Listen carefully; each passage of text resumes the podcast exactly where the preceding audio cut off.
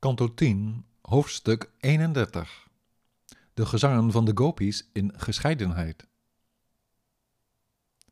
De gopis zeiden: Vanwege jouw geboorte is het land van Vraja aldoor zegenrijker en verblijft de godin van het geluk daar onophoudelijk. Laat je zien, o geliefde, jij voor wie de toegewijden, die overal naar je op zoek zijn, hun levensadem gaande houden.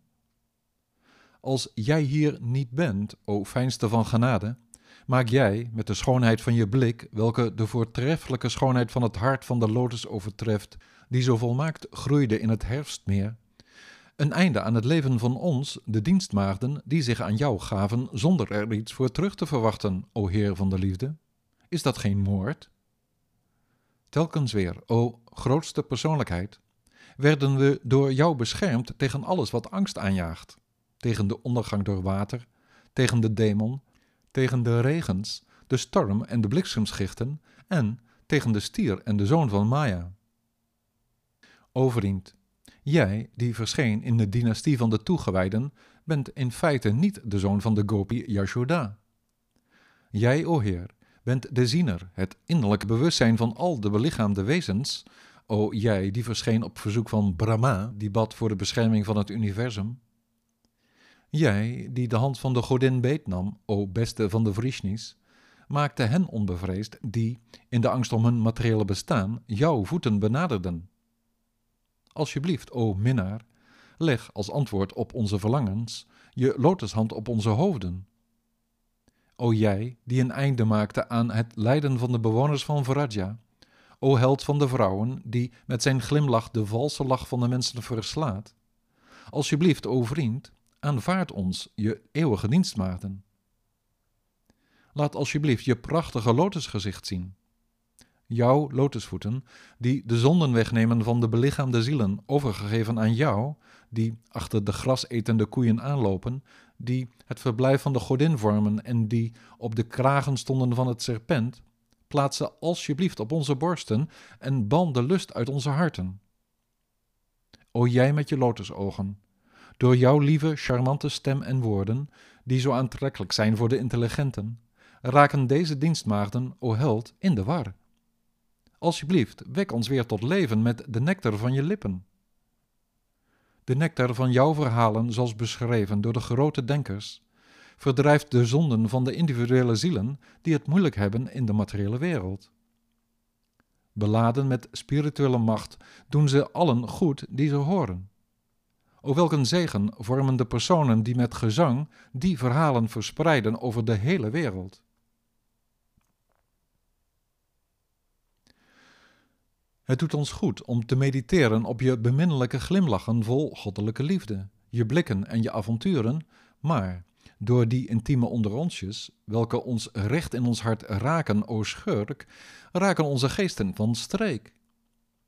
Als je uit Vraja vertrekt om de dieren te hoeden, o meester, voelt het niet goed, o minnaar, eraan te denken hoe pijnlijk de harde grassen en opschietende planten zijn voor je voeten, de voeten die nog prachtiger zijn dan een lotus, o meester.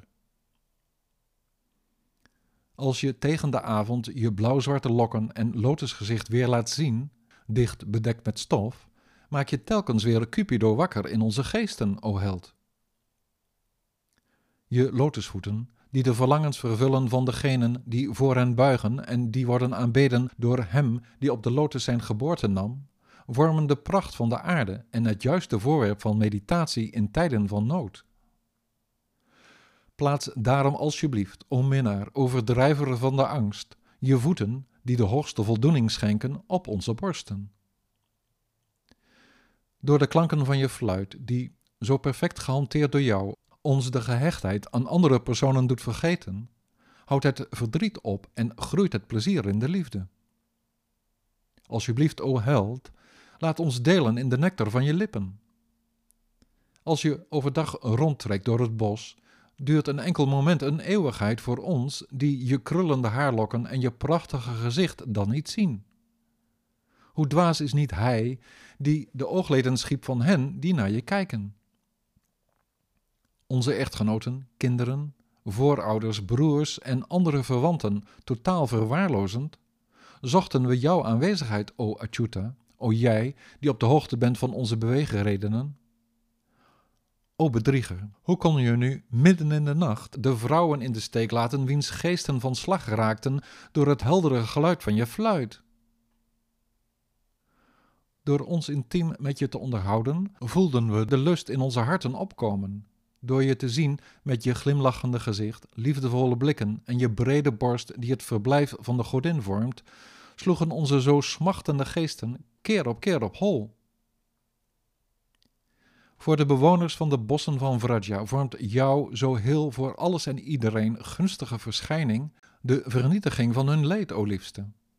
Gun ons een beetje van dat medicijn dat de ziekte bestrijdt in de harten van je toegewijden, hunkerend naar jou. Jouw zo tere lotusvoeten plaatsen wij, o liefde van ons, zachtjes op onze borsten, in de vrees dat het bos waar je rondtrekt te ruig voor ze is. Wij die jou, o Heer, als de essentie van ons leven beschouwen, maken ons met onrustige geesten er zorgen over dat ze te lijden hebben onder steentjes en dergelijke.